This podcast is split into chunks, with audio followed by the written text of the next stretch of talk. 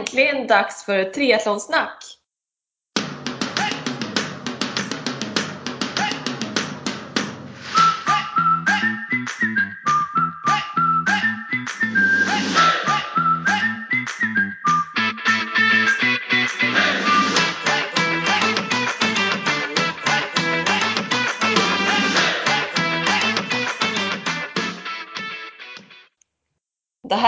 Avsnitt 13 med mig, Sofia Häger och med mig Therese Granelli. Nu satt jag här och funderade på Pyroman.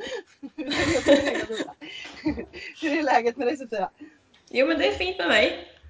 Fredag och allt, snart helg. Men du har ju redan tagit helg. Ja, vad jag exakt. förstår. Ja, jag åkte ner till Kalmar igår efter jobbet. Så idag har jag infunnit mig här i, eh, ja vad ska man säga, Ironman-bubblan. Eh, känt på eh, känslan man, jag känns nästan som jag ska tävla imorgon fast jag inte ska det.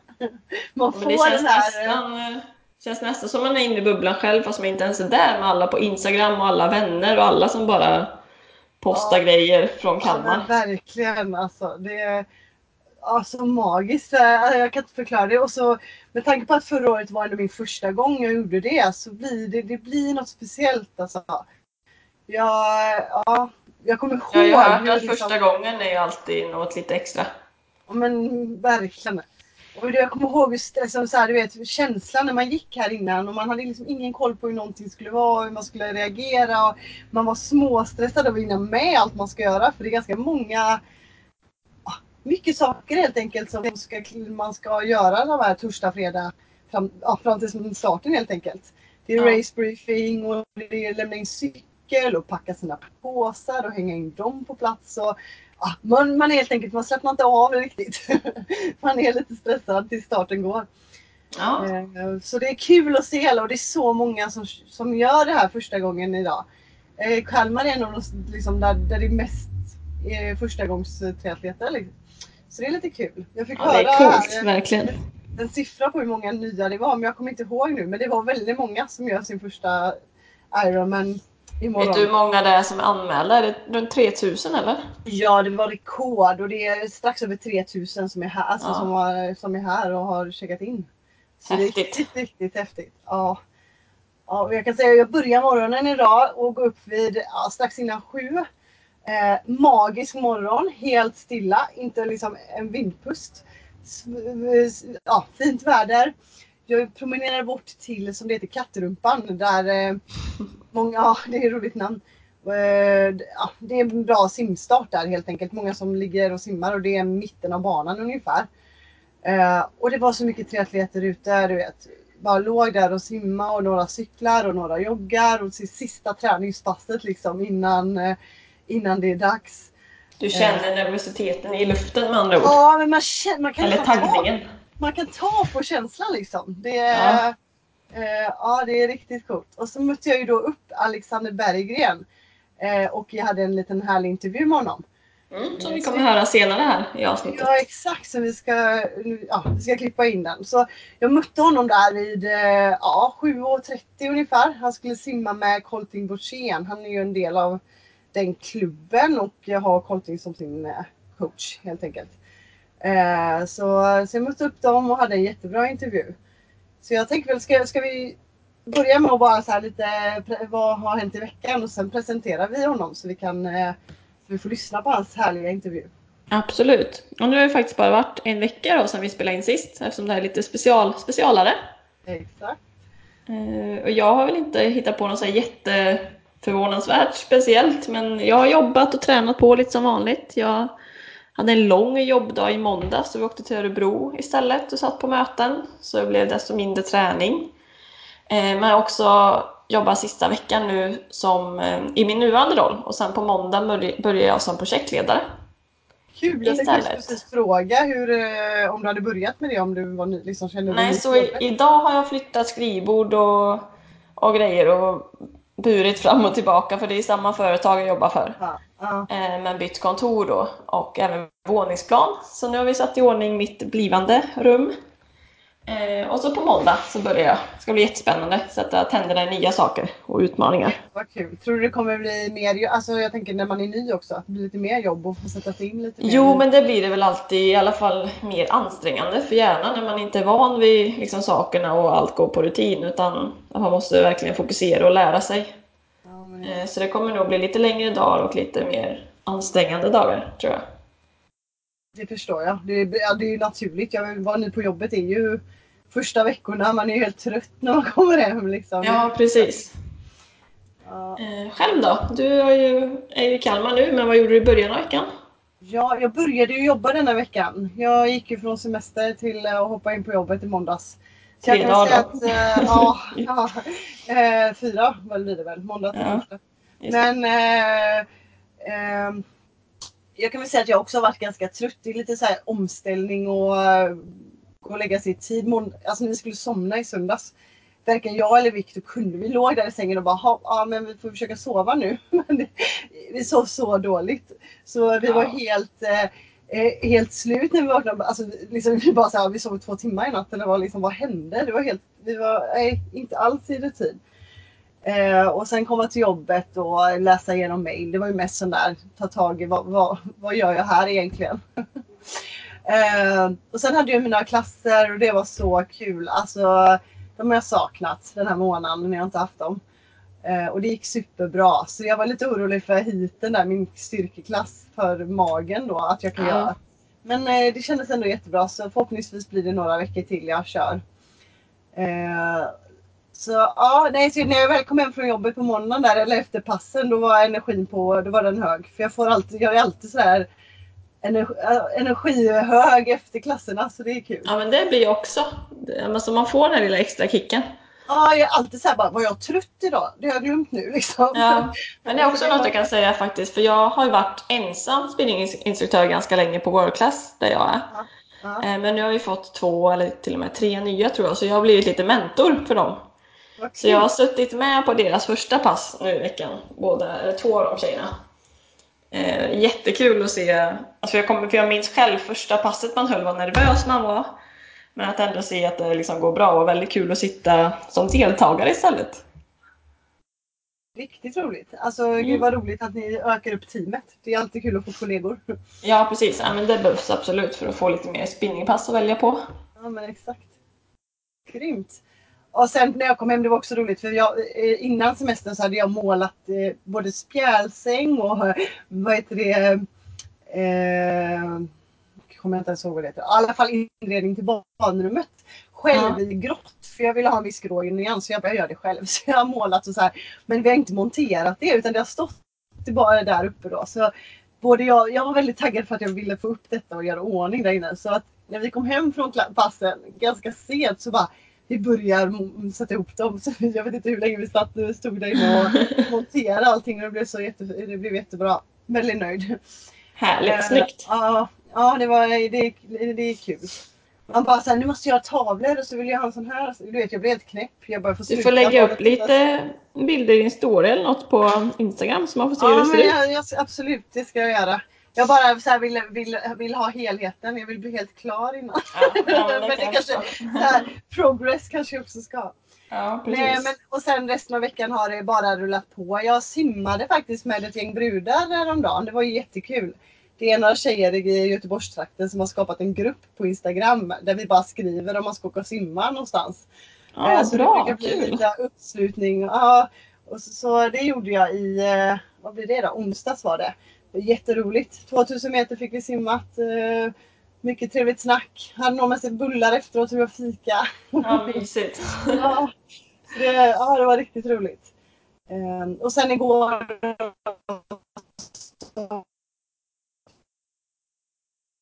Det har varit en bra start. Lagom start på arbetsveckan också. Man jobbar fyra dagar liksom. Jag bara, mjukstart. Ja, men lite kort vecka. Låter bra. Men ska vi hoppa in på intervjuerna? Ja, vi börjar med Alexander tänker jag, som jag körde Ja. här tidigare. Så jag tänker att jag introducerar honom lite bara så ni vet vem han är. Eh, Alexander är eh, ny kan man väl egentligen säga i triathlon. Han är inte så gammal, han är 25. Född 94. Ja, men exakt. Född 94. eh, är simma, alltså, va- simmare i botten. Eh, och eh, ja, kom, jag började med att få komma i kontakt med open water simning där han blev, var väldigt duktig och simmade, tävlade i. Sen eh, fick han bara feeling att köra Ironman Kalmar förra året. Han hade egentligen inte kört någonting innan. Ska låta han prata om det själv. Eh, och det var där som, eh, som han då ja, fick upp ögonen för hela, hela grejen. Och eh, då körde han ju Age Group. för det- Han var ju inte pro då överhuvudtaget och det fanns ju inte ens pro i Kalmar förra året. Det var det tjejerna som körde det. Eh, och bara, han var ju så först upp i vattnet. Han har banrekordet här i Kalmar som man då förhoppningsvis ska slå imorgon. Det är hans mål. Eh, och i detta året nu då så har han ju satsat stenhårt för, för detta imorgon och även övat upp och bli bättre på cykel och sim. Då. Eller cykel och löpning. För simning är ju hans starka grej. Men vi, vi låter honom prata själv så jag tänker att vi eh, eh, ja, sätter in podden här, eller eh, intervjun i morse. Det tycker jag. Ja, så eh, ja, här kommer eh, intervjun med eh, Alexander Berggren.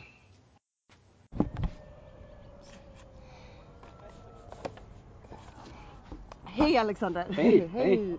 Hur taggad är du inför imorgon? Ja, jag är supertaggad, det ska bli fantastiskt roligt. Ja. Eh, Känner du den där eh, eh, omtalade Ironman-bubblan som infinner sig här i Kalmar? Känner du av den? Den började komma igår Ja. och nu växer den bara när, från vägen från huset till hit så har jag bara växt och växt så det är riktigt, riktigt trevligt och en skön känsla i kroppen. det. Ah, härligt. Man bara, jag får ju den känslan att bara vara här. Mm. Alla människor som ja, är så taggade. Man kan nästan ta på känslan här liksom. Eh, men lite om dig. Berätta lite om dig själv, bakgrund och varför kom du in på triathlon? Ja, varför kom jag in på triathlon? Det, det var nästan en liten slump men jag är ju gammal simmare, jag har ju simmat hela mitt liv. Och Där måste jag bara poppa in Ja. med simningen. Eh, eh, vad för simning? Alltså, bassängsimning ja, fram tills jag var 17-18 år tror jag. Sen eh, hängde jag på en sträcka på Sverigesimmet med Jonas. mm. när han simmade mellan eh, Stockholm och Göteborg. Och så fastnade jag för öppet vatten väldigt snabbt. Så då gick jag över lite mer och satsade på öppet vatten. Men jag hade fortfarande kvar bassängsimningen. Så fram till eh, 2017, SM 2017, så var jag bassängsimmare och öppet vattensimmare. Öppet vatten, hur stort är, är det? Alltså, är det många som tävlar i det? Är det en stor sport? Det är inte jättestor... För mina öron så här, har jag inte kollat på Nej, nej, det är verkligen inte. Om man jämför med triathlon så är det inte alls en så stor sport. Nej, eller simning. Nej, och inte simning nej. heller utan det är, det är en lite mer, eller lite mindre sport. Mm. Men man kan ju se, Vansbrosimningen har ju jättemånga deltagare det är men. Mm. det, tävlingsklasserna är väldigt små, små här i Sverige i alla fall. Men går man till Australien och USA är det ju en mycket större sport. Ja, fortsätt med bakgrund. Yes, bakgrunden ja, just det. Nej men jag, som sagt jag har simmat hela livet och um, flyttade till USA och pluggade på college i två år. Fick ett stipendium att kunna simma och plugga samtidigt. Men jag lyckades aldrig ta det där nästa steg som jag ville göra. Jag var alltid, kom till finaler i bassängsimning. På 1500 kunde jag vara med i fin- finaler på SM men jag kunde aldrig ta det nästa steget. Jag lyckades ta några medaljer på SM i öppet vatten. Men det blev aldrig det där det, dit jag ville.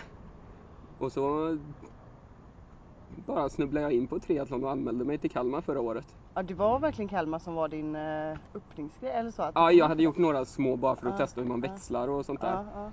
För det jag, hade jag aldrig gjort förut. Nej. Och när jag var bassängsimmare så tyckte jag alla triatleter var helt knäppa som Ja. skulle cykla och springa efter dem. Men Men jag minns verkligen förra året för det var så här, vem är Alexander som är först upp i vattnet? Mm. Det var ju lite den, eh, eh, nu körde jag ju själv så just Ja. då var det inte, men, min sambo, min, eh, mina föräldrar bara så här, vem är han? Nej, så det- jäkla först! Ja. nej, det, jag, jag visste att jag skulle ha chans att Ja. ha en ledning men jag visste inte att jag skulle ha sju minuter ledning Nej, på de så andra. jäkla coolt. Så det, ja, det, det var riktigt, eh, det var en riktigt fräck känsla. Mm. Särskilt när man kom och simmade in i ka- kanalen och man Ja. började höra allt folk som stod. Det var så mycket rysningar fick man i simningen. Aha, så coolt. Ehm, ja men det är där, det, egentligen är det slumpen som har tagit dig in i triathlon och här är du nu liksom. Och här är jag nu. Ja, ehm, men vad är dina mål och ditt fokus för tävlingen imorgon? Mina mitt mål imorgon, om vattnet ser ut som det gör idag, Mm. så vill jag simma väldigt, väldigt fort. Mm. Eh, ja, det är inte alls omöjligt att försöka simma under 45 minuter. Det hade varit fräckt. Slå ditt egna banrekord. Ja, det hade varit kul. Men man vet inte, det är jättebra simmare Ja. med imorgon. Så jag kanske simmar under 45 minuter men inte är först upp i vattnet. Det, det vet man aldrig. Eh, I övrigt så vill jag göra en bra tid. Nu är det ju första året i proffsklass så jag, jag har inga så här resultatmål att ja, jag ska komma topp 5, topp 10. Utan jag vill göra en bra tid. Mm. Vad, vad har du för? Eller, Eh, mellan 8.50 och 8.40 och 8.50. Och så är det okej om jag är mm, 8.59, 59. Och det beror såklart på förhållanden. Exakt, jag. Är exakt. det storm och regn så Då, är det... då är det inte så lätt att göra. Men det ser ju ut att bli ganska Mm. bra förhållanden. Om vi pratar lite mål då. Vad är dina mål framåt om vi ser över Kalmar och liksom din satsning? Mm, jag har en tioårsplan som jag satte redan innan jag körde min första triathlon-tävling. Mm. Faktiskt. Så den är uppdelad i två femårsplaner. Eh, Där första fem åren är att bygga upp kroppen för Mm. det tar ofantligt mycket tid, ofantligt många mil i benen på både cykel och löpning innan man blir stark och bra. Mm. Så fem år bara bygga upp att jag ska bli stark och sen ska jag ha fem år där jag ska försöka leverera. Där det slutgiltiga målet är att vinna Kona om tio Vinna år. Kona, coolt. Ja, då har du ändå ett väldigt, du har ett mål, ett Ja. tydligt mål. Ja, jag har alltid varit Ja, sån att jag, ja. jag vill ha tydliga mål. Och, men, Bara att sätta femårsplaner liksom, innan du ens har börjat. Det, ja. ja, men riktigt coolt. Grymt. Och då måste jag fråga träningstimmar. Hur många träningstimmar har du per vecka? Det beror lite på vilken vecka det är. Ja. En eh, med få träningstimmar men väldigt hård så kan man ligga mellan 15 och 20 timmar. Och en med mer distans så är det mm, upp mot 30-35 timmar som mest Mm.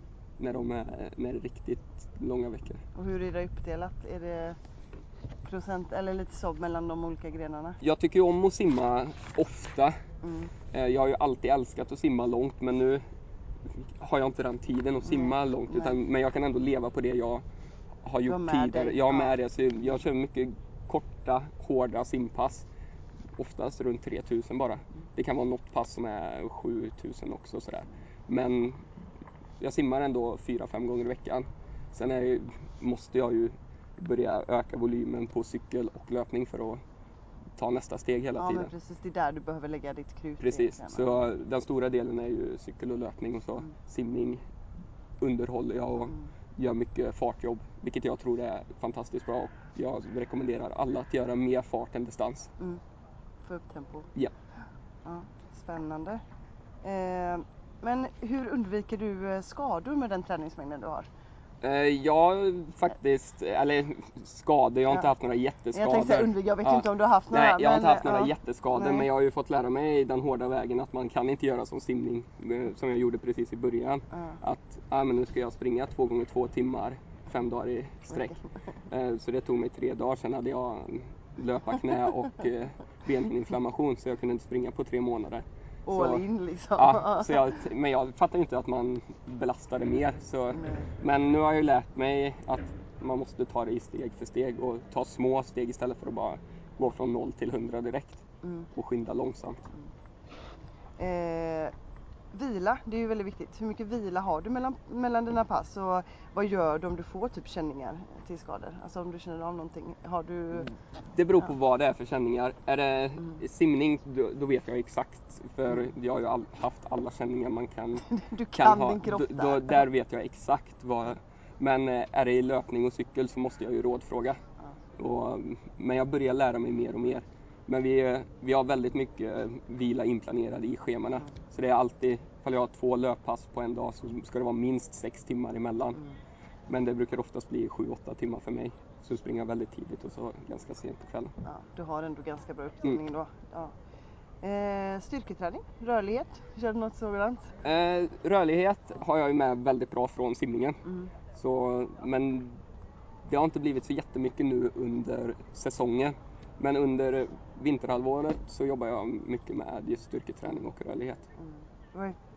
Tips på främsta övningar, vad gör du för något? Typ simning kan jag ju säga då som knappt får upp armbågen för att jag är så stel. Ja, det, det är just det. mm, Ett tips på landövning med simning eller rörlighet i simning. Mm. Det är bara att ha en handduk eller en pinne och så röra armarna fram och bak över huvudet rakt. Raka. Helt enkelt Ja. snurra runt Och det, armarna det är en jätteklassisk eh, simmarövning. Mm, mm. Bara fram och tillbaka, fram och tillbaka. Bra uppvärmningsövning, lätt att göra. Ja, det ska bara göras, det är väl det. Ja, det, men det, det är så lätt är att... så...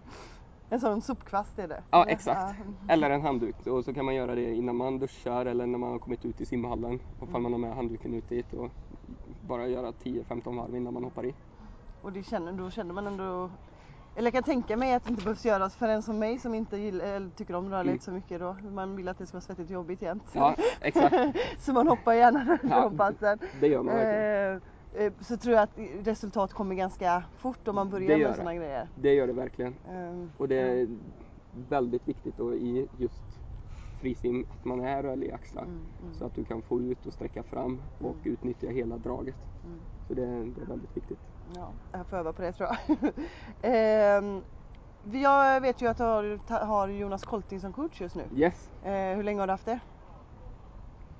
Är det... På så här riktigt, riktigt, riktigt att han hjälper mig med allting vilket är fantastiskt. Mm. Det, har, vi- det började i år. Mm. Eller i november förra året. Ah, okej. Men innan förra året så tränade jag ju jättemycket med honom men då var det inte så uppstyrt. Bo, är du från Borås eller? Jag Ja. är från Herrljunga. Herrljunga? Men jag flyttade till Borås i samband med gymnasiet. Mhm. Så jag har varit där i väldigt många år. Coolt, då har du tränat nästan, ja snart ett år då alltså? Eller egentligen Ja, november? Ja. Ja, Mm. eh, november är ett år med Jonas som Och coach. lite, vad är det bästa och sämsta att ha honom som coach? nu går vi in på Kolting här. Både det bästa och det sämsta. Det är ju, han är väldigt ärlig. Ja. Och man vill ju inte alltid, det är inte alltid kul att höra sanningen men det, alltså, det är jag verkligen tacksam för att han Ja. är ärlig. Och det är inte lätt att göra passen. Han skriver extremt hårda pass Ja. men det, det ger resultat. Och det har jag märkt. Är det lätt att, le- eller kan du leva upp till dem? Gör du alltid alla passen? precis Jag, har han alltid haft väldigt lätt att göra det som ska göras. Mm. Det som en sak i simning det är ju att man drar i linan på ryggsim. Och det, när jag har varit tränare i det då har alla fått göra om när de gör det för jag tycker det är så verkligen fel att göra. För det- ska göras riktigt. Man ska inte hoppa över meter, man ska Nej. inte gå på toa när man simmar. Utan man, det får man göra efter eller När man är innan. klar liksom. Ja. Mm. Eh, om du jämför dig med Jonas, eh, nu, nu gammal är du? 20, 25? 25? När Mm. han var 25? Ligger ni nivåmässigt?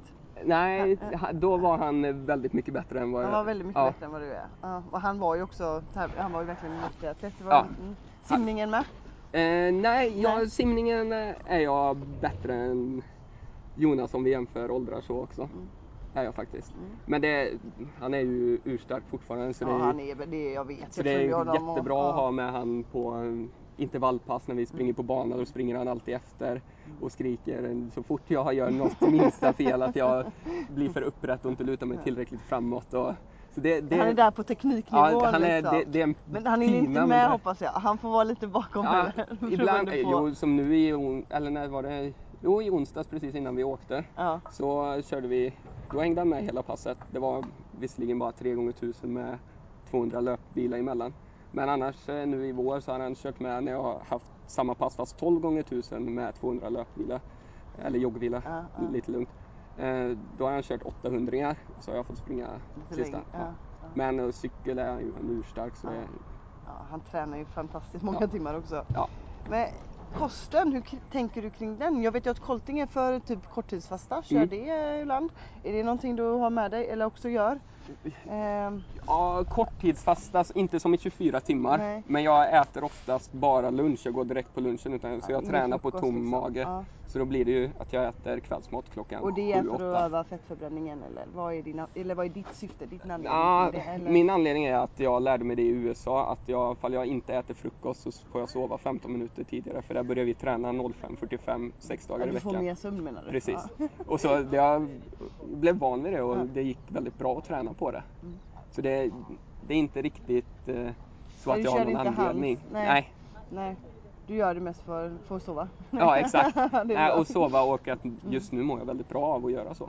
Kring kosten annars då? Något speciellt eller äter du allt ingen så? Jag tänker när man satsar så så brukar det gå hand i hand. Självklart så undviker man ju socker Ja. i, största möjliga mån. Alltså, jag åker inte och köper en cola fyra dagar i veckan, Nej. lösgodis. Det händer ju att eh, man får i sig lite godis och Ja. sånt såklart.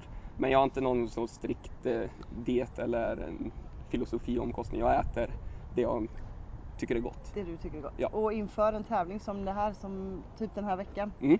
Hur tänker du då? Gör du något annorlunda? Inget annorlunda. Allt som vanligt? Allt som vanligt. Det kanske blir att eh, nu åker vi och äter en frukostbuffé istället. Att jag äter lite mer nu Mm. sista dagen.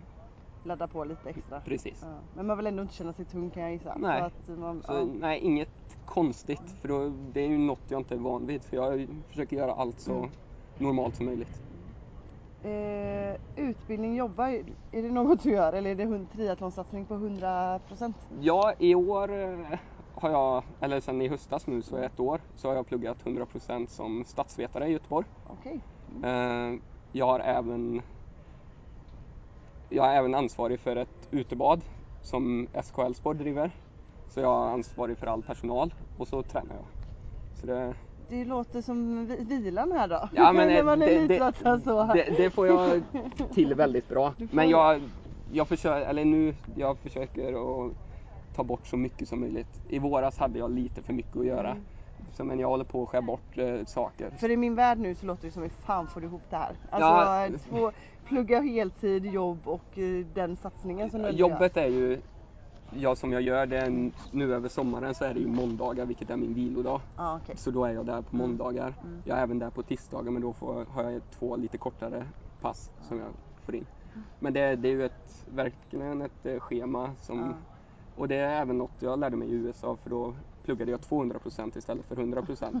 Mm. Och så tränade vi 25 till 30 timmar i veckan. Så då hade jag ju minutschema.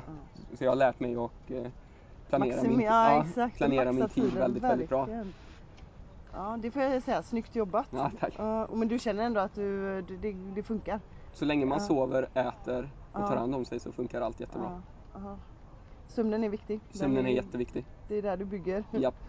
Ehm, har du någon tanke om din satsning skulle fallera? Nu hör jag ju att du har det med tanke på att du pluggar och har jobb och så.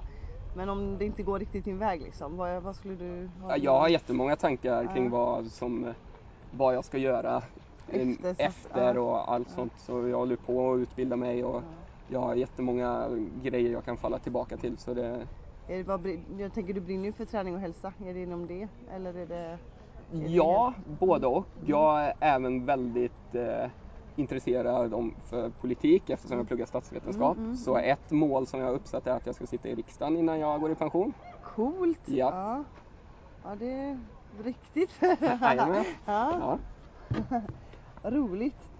Eh, en fråga från mig här då. Jag Yes. vet ju att eh, du har målet, eh, nu kanske vi har pratat om det lite, men sub 45 imorgon kommer Mm. under det. Eh, hur tänker du göra för att lyckas med det? Simma snabbt.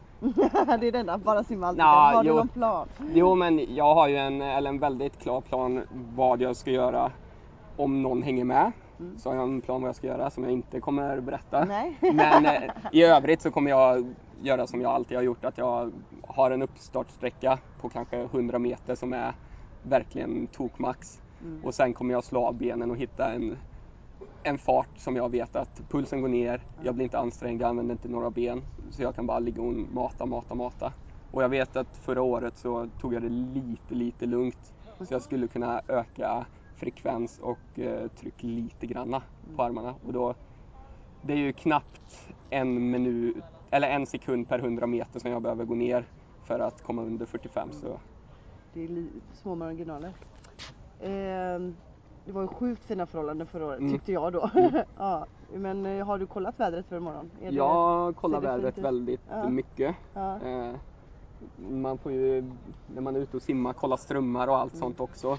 Vart det är motströms och vart det är medströms, vad man måste Mm. veta vad man ska trycka på. Eh, vara väldigt eh, rak i sin simning så jag inte simmar extra metrar och vara snabba i vändningar och allt sånt. Så man måste verkligen veta banan ja. och känna till vattnet. Det är verkligen viktigt. Och du har gjort detta nu då? När, när kom du ner? Jag kom ner i onsdags eftermiddag. Mm.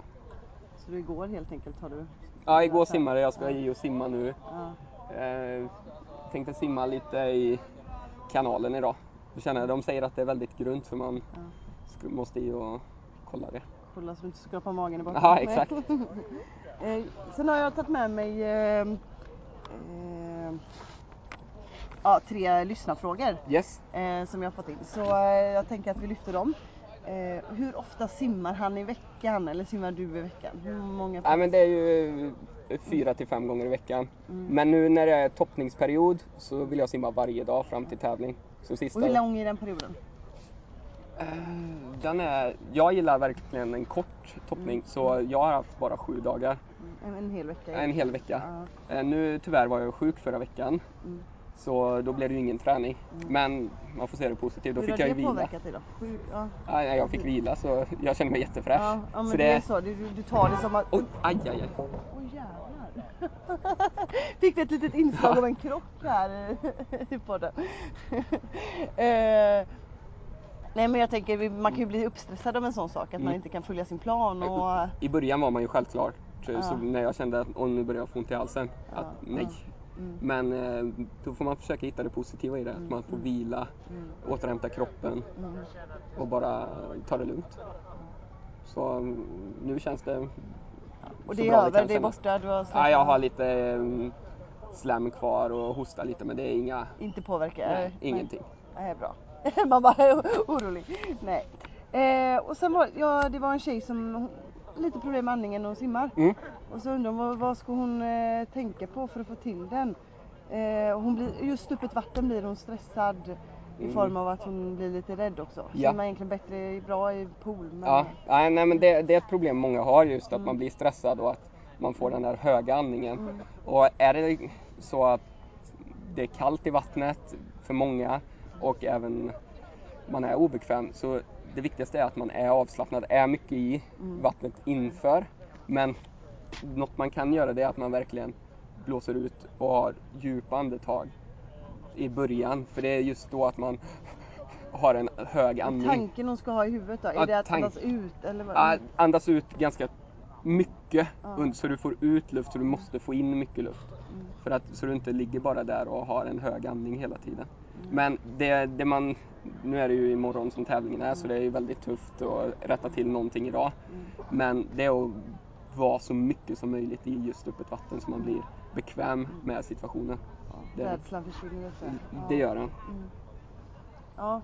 För det, det brottas alla med, kanske inte Jonas men Mm. ja, man kan ju tänka på, kommer någon gädda och biter mig i tån nu och är man utomlands och simmar, ska jag bli uppäten av en krokodil eller Nej, nå- något sånt idag. Så man har ju alltid några sådana här Stress, stresstankar. Ja.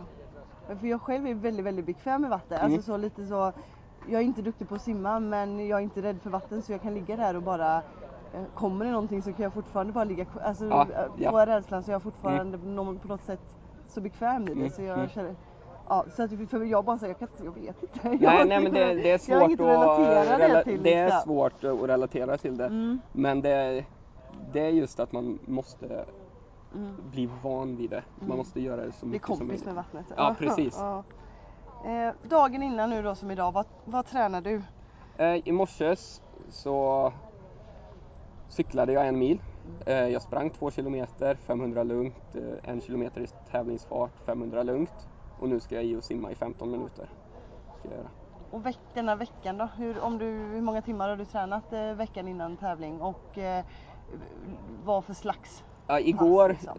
var stora vilodagen, Ja. så då simmade jag i 20 minuter. Sen försökte jag ligga i sängen hela dagen. Ja, benen i högläge? Ja men typ så. Ja. Eh, få lite massage och sådär. Eh, sen innan dess så har jag nog snittat på kanske två till tre timmar om dagen träning. Har det blivit. För det, så fort man sätter sig på cykeln så sticker ju tiden, iväg direkt. Ja. Ja, men då, är det ändå, då har du fått, det blir ganska många timmar även om det är en uppladdningsvecka. Ja, Jag men tänker att inte intensiteten kanske är lika hård som vanligt. Eller? jo, den den, intensiteten behålls väldigt hög. Ja. Men allt det andra skärs bort. Så om man kollar på det två till tre timmar om dagen det är ju nästan 50 procent vad du brukar. vad jag brukar göra. Så det är, det är väldigt att man har Mm. tagit bort mycket. Ja, du har halverat din träningstid. Ungefär så. Ehm, ja, då har jag en, jag skulle vilja ha tre tips av dig. Yes. Eh, till att klara av att pressa sig själv på träning och tävling. Alltså vad, vad är dina tips för att orka pressa sig det där? Det där lilla Ja, extra. exakt. Eh, det första och det viktigaste tror jag för att kunna, om man vill pressa sig, man, Mm. då är det ju att man ska ha ett mål uppsatt. Mm. Det tror jag är jätteviktigt för utan ett mål så att bara planlöst träna och det, det tycker jag personligen är jättesvårt så jag måste ju ha väl satta mål som jag verkligen, det här ska jag uppnå, hur tar jag mig dit, vad behöver jag göra? Det andra omger dig av personer som är likasinnade och vill träna hårt. Inspirera dig. Ja, precis. Mm. Och det tredje och eh, faktiskt, nu kommer jag på det, är det viktigaste. Det är att ha väldigt roligt. Då blir allt så mycket lättare. Ja. Tycker du det är tråkigt så brukar det inte bli, Nej. bli så lyckat. Nej. Riktigt bra tips. Ehm, sedan har jag fem snabba här. Oj. Ja, Ja. Så du får vä- som du ska få, eh, du får inte tänka så mycket helt enkelt. Eh, så, med eller utan musik? Utan? Chips eller godis? Ja, chips. Sprint eller olympisk distans? Oj, eh, olympiskt säger jag då. Du bara vet Ja, inte. nej, jag vet knappt inte. Jag har kört en av varje i mitt liv. Så jag, Eh, Skavsår eller håll? eh, skavsår. Varma eller kalla förhun- förhållanden Varma. under tävling? Varma. Ja, varma. Ja men du var riktigt snabb. Ja, ja. Härligt. Men eh, ja, den, vi har de här fem samma på alla intervjuer Ah, vi har. okej. Oftast Ja. är det ju eh, eller de vi har haft på intervjuer sådana som kört upp OS och VM, Ja. alltså olympisk och Ja. sprintdistanser. Så eh, ja. Men eh, så långt som möjligt helt enkelt. Så långt som möjligt. Så det har, eh, så har det alltid varit i simning och vad jag än hållit på med så har det varit ju längre desto bättre. Ja, det är precis min filosofi också. Jag knäcker folk på, det, på längden Ja. liksom. Jag har inga Jajamän. chans om det är snabbt. Riktigt, riktigt kul att få intervjua dig Alexander. Ja, men tack för att jag fick komma. Ja, får du lycka till imorgon och eh, ha en härlig simning nu då. Ja, tack. Sista tack. träningspasset. Vad Ja. gör du resten av dagen? Eh, frukost, Ja, eh, lunch och däremellan sova. ja. Eller vila. Ja. ja, jag kommer heja på dig. Jag kommer stå med superkraftskylt så du får komma och ge mig high five. Yes, Ja. det lovar jag. Ja, det är bra. Tack så mycket. Tack själv. Ja, Sofia, vad, eh, vad tyckte du om Alexanders intervju? Ja men bara vad duktig han var på att bli intervjuad var jag säga. Men väldigt, han verkar vara en väldigt ödmjuk och snäll och pratglad person. Så, alltså jag blev verkligen så, här, så ödmjuk och härlig. Jag blev lite så här, och, han- han var ju mysig personlighet verkligen. Det Ja, var ju väldigt kul att träffa honom. Eh, och eh, ja, nej, väldigt bra intervju måste jag säga. Och bara det här att han har börjat så nyligen med triathlon men ändå har så tydliga, höga mål långt fram. Det han, imponerar på han mig. var han, så strukturerad. Han hade femårsplaner, alltså 15 år framöver och målet var att bli bäst. Liksom. och så självsäker i det. Det är väl det som imponerar på mig. Att han liksom, "Ja, men jag kommer klara det och jag kommer klara alltså 45 imorgon och ja. Att han bara så här, jag tog det lite lugnt förra året i vissa delar. Jag bara så här, simma på 45 minuter och ta det lite lugnt. Hur fan är det möjligt? Och, och den här ödmjuka känslan i att ja, men det är mycket duktiga andra här och simmar också så jag kan ha flera som är, kommer komma upp på 45 minuter. Jag vet att det inte är så. Alltså, det kommer ingen som simmar så fort. Han har ju banrekordet med typ 7 minuter liksom. Ja, så, precis. Så att den ödmjukheten är ju fantastisk tycker jag. Men sen var det väldigt bra, alltså det var väldigt mycket som jag inte visste om honom innan som jag nu vet. Till exempel liksom att han pluggade 100%, att han också jobbar en dag i veckan. Och att Alltså- han liksom är så politiskt intresserad. Alltså bara det är ju jättecoolt också. Så det är ju liksom inte bara 100% träning och triathlon som gäller. Jag, jag, blev, jag visste inte heller detta alls. Jag trodde faktiskt han var mer proffs, alltså mer bara... eh, Man hörde nästan på dig i podden att du blev lite så här chockad. Ja, jag, jag blev verkligen det. Jag var så här, uh, va? Nej, det här visste jag inte. Hur fan får du, blev jag också så här, hur fan får du ihop din vardag? Vi kan inte klaga när han tränar liksom upp mot åtta timmar om dagen. Så. Exakt, helt galet verkligen. Så nej, alltså verkligen så här inspirerande. Man får ta åt sig av hans eh, tips och tricks också. Han hade bra, bra tips och bra eh, svarade bra på frågorna som eh, eller lyssnarna hade också. Absolut, jag ska ta och lyssna på den igen faktiskt. Ja men verkligen. Jag, jag också. Och sen går vi från en, eh, man kan ju ändå säga att Alexander är lite nybörjare, triathlon, Precis. till vår andra intervju idag som är en väldigt erfaren person. väldigt rutinerad triatlet får man ju säga. Ja, så här får vi Eh, högt och lågt. Ja, så jag tänker att jag presenterar henne också. Så Ja, hoppar vi in och kör lyssnar på. på henne med. Eh, hon heter Elena Kvapil. Hon är från Skövde. Eh, hon, jag ska Ja, säga det är jag- lite coolt eftersom det Ja. är mina hemtrakter. Ja men exakt. Och min, min mamma är ju från Skövde så det är tack egentligen var det det som jag har kommit i kontakt med henne. För min, eh, min mamma är eh, liksom, ja, hon, de känner varandra. Speciellt hennes storebror tror jag. Så, eh, så det är därav att jag eh, kontaktade henne och fick, fick den här intervjun då. Eh, hon, och, men hon bor i Stockholm idag. Har gjort det länge. Men tävlar från, för Skövde Triathlon. Hon, hon är 48 år och har hållit på med triathlon i, ja man är sång, hon började ju typ 88. 80-talet. Ja, exakt. Eh, hon har tä- tävlat och tränat en del med Colting. De var bra kompisar.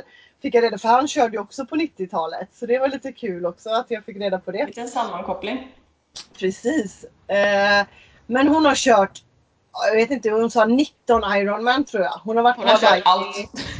Hon har varit på Hawaii tre eller fyra gånger och eh, riktigt rutinerad. Och hon gör det bara för hälsa och glädje. Alltså det var verkligen hon, kör, hon tävlar bara age group. Det är inte pro eller så på den nivån. Alltså hennes träningstimmar inte heller så många om man jämför med eh, eh, de flesta. Men ändå ligger hon på alltså, grymma tider. Hon ligger runt 11 timmar när hon kör eh, en Ironman. Hon brukar säga det, det brukar, hur lite eller hur mycket hon än tränar så brukar hon ligga runt samma när det är tävling ändå. Så det är lite eh, roligt att höra. Ja, men ska Eh. vi hoppa in i hennes intervju eller? Det tycker jag. Den är lite längre än Alexander så vi får låta henne prata. Riktigt Mm. härlig, härlig tjej.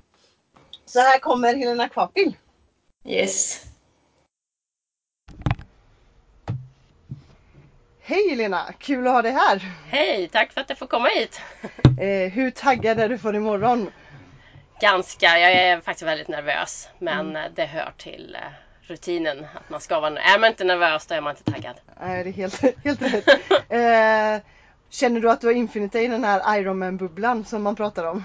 Ja, ganska mycket. Jag börjar låsa in mig och försöker att inte göra allt det galna som alla andra gör som är här för första gången. Mm.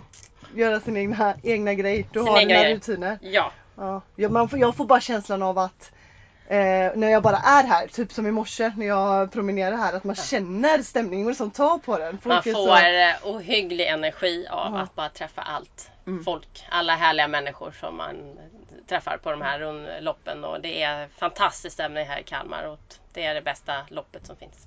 Ja, och alla personer, alltså alla Ja. triatleter, så jäkla trevlig sån Ja. stämning och sån ja, gemenskap. Det Ja. är det verkligen. Eh, men du ska få börja berätta lite om dig själv. Hur kom du in på triathlon, din bakgrund? Ja, jag har spelat fotboll, handboll, tennis sedan jag var liten. Testat allt? Testat i stort sett allt. Och sen när jag tröttnade på fotbollen eh, när jag var runt ja, 16-17 år där någonstans. Då äh, dök triathlon upp. I, eh, både i Magnum-serien på TV, att Ironman visades. När sa du att det här var? Ja, någonstans på slutet av 80-talet. Okej. Och eh, då sen eh, startades det också en klubb i Skövde som hette Tidans cykel och sport. Och då gick jag och min bror med där och det var också på grund av Billingebragden som fanns hemma. Som var en kortare tävling men ändå, det började med löpning, sen var det cykel och så var det simning. Jag hoppade på tävlingen, jag tror jag blev fyra första loppet och så tyckte jag men det här är kul. Så började, började med det här och eh, sen eh, första tävlingen jag ställde upp som var en riktig triathlon-tävling då vann jag med 10 minuter när jag var junior. Ja men det här var ju kul tänkte jag. Hur stort var... Det var ju pyttelitet, det var Ja. ganska litet då. Men Mark Allen, Dave Scott, Paula Newby Fraser var de stora, allra, och Scott Tinley var de stora stjärnorna liksom som eh, vann Hawaii. Mm. Så de har ju varit liksom wow. Man har alltid sett upp och gud vad de tränar och allt det där. Sen har det väl växt och eh, jag har fått köra NM, jag har kört EM för, som junior. Och sen eh, när jag var ja, början av 90-talet så åkte jag över till USA, var au pair. Fortsatte träna triathlon och tävla lite på helgerna. Vi måste få svara, var det långdistans hela Nej, tiden? då var det bara sprint Spri- ja, som det jag var- höll mm, på med. Så här mm. kortisar, alltså en fjärdedel Mm, utav en mm. Ironman. Som kallas olympisk distans. Och när jag var där då blev det först plötsligt så här Triathlon, har du gjort Ironman? Det var ju första frågan man fick Mm. mm. amerikaner. För de visste vad Ironman var. Men inte i Sverige visste man ju inte ens vad triathlon var. Nej. Och eh, ja, började ju såklart, ja men det är ju för långt att liksom köra en Ironman. Mm. Jag är alldeles för ung för det där. Mm. Men eh, jag var au pair och där träffade jag kompisar sen som skulle upp till Kanada och börja köra Ironman och då började det där pratet. Och så hade jag kompisar som eh, aldrig tränade. Festa sju dagar i veckan och bestämde att 99, 1999 då åker vi till Kanada, till Penticton och så kör vi. Så vi var ett gäng, 25 stycken och jag hängde på. Och det var wow Aha. från Även om det var liksom bara jätte, jätte nervöst så kände jag mig i trygga händer för jag hade så många runt omkring mig som hade gjort det. Och som sa ta det lugnt och så här men det var en helt fantastisk upplevelse. Och jag kvalade till Hawaii direkt. Ja, du gjorde det på Men jag första gången på du körde. Ah, Jag blev sexa i min åldersklass men jag tackade nej. ah, För jag hade inte planerat det. nej. Ja, det är ju en Och, stor... Och jag hade lovat mig själv att jag ska aldrig göra om det. eh, och eh, sen efter det så, um, ja.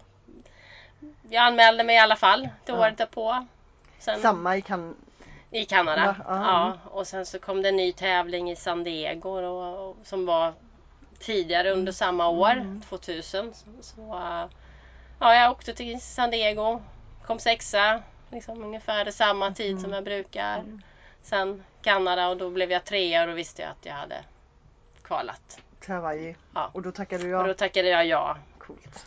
Så var det flera vänner som också fick plats och det var Ja, det var en sån upplevelse. Alltså jag grät när jag kom dit för att det var så en sån Ja, jag Sån grej. Det procent. går, det går inte att förklara men om man inte har varit Mm, där men och förstå att wow, jag är här. Men eh, Hur känslan... gammal är du nu? Nu, Alltså, det- nu ska jag fylla 48 Ja, och då... och då var jag 30. 30. Eller 29, 30 kan man säga. 29. Och det var ändå liksom det här att ehm, Ja, simningen visst, det var ju superhärligt att simma i havet utan våtdräkt och det var varmt och skönt. Men cyklingen fick jag en chock.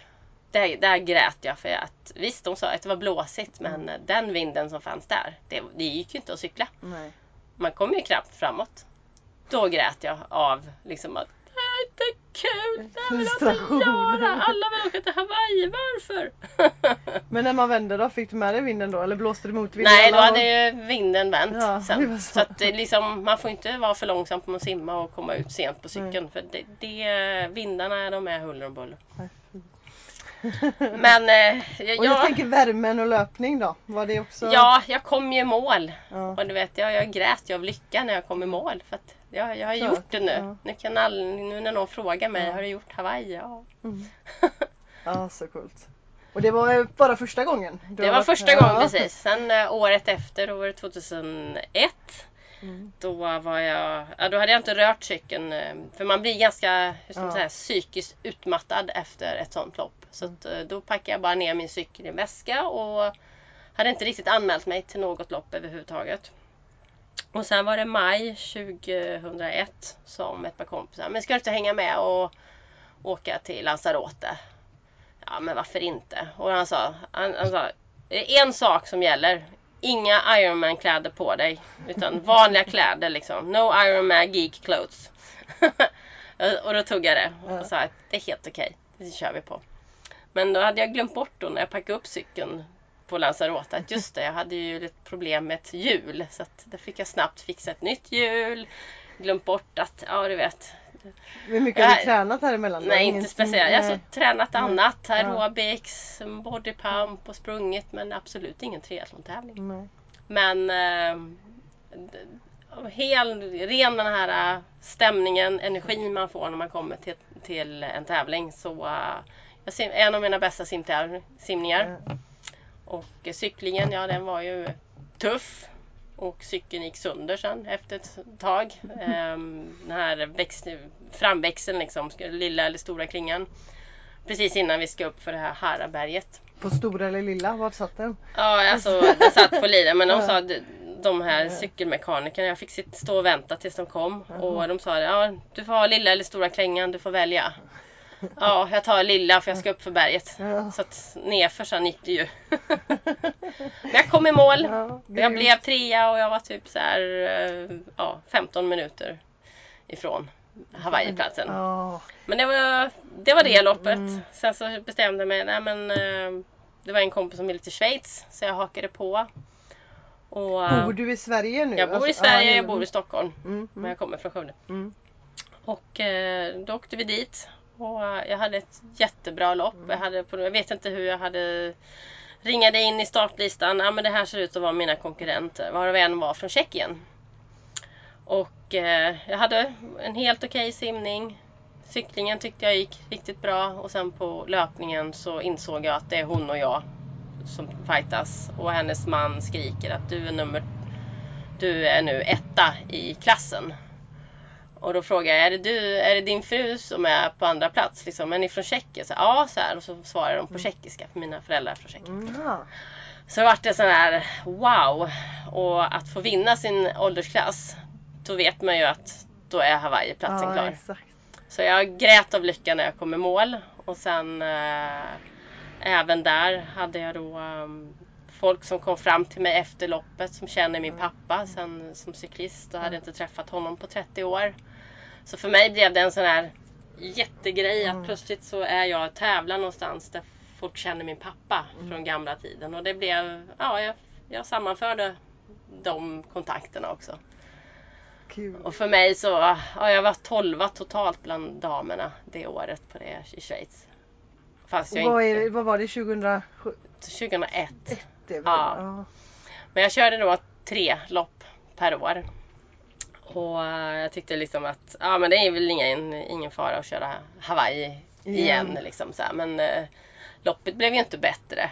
Mm. Eh, det är tufft att köra tre lopp ja, det är ju verkligen mycket. Och Hawaii är jätte, jätte tufft alltså.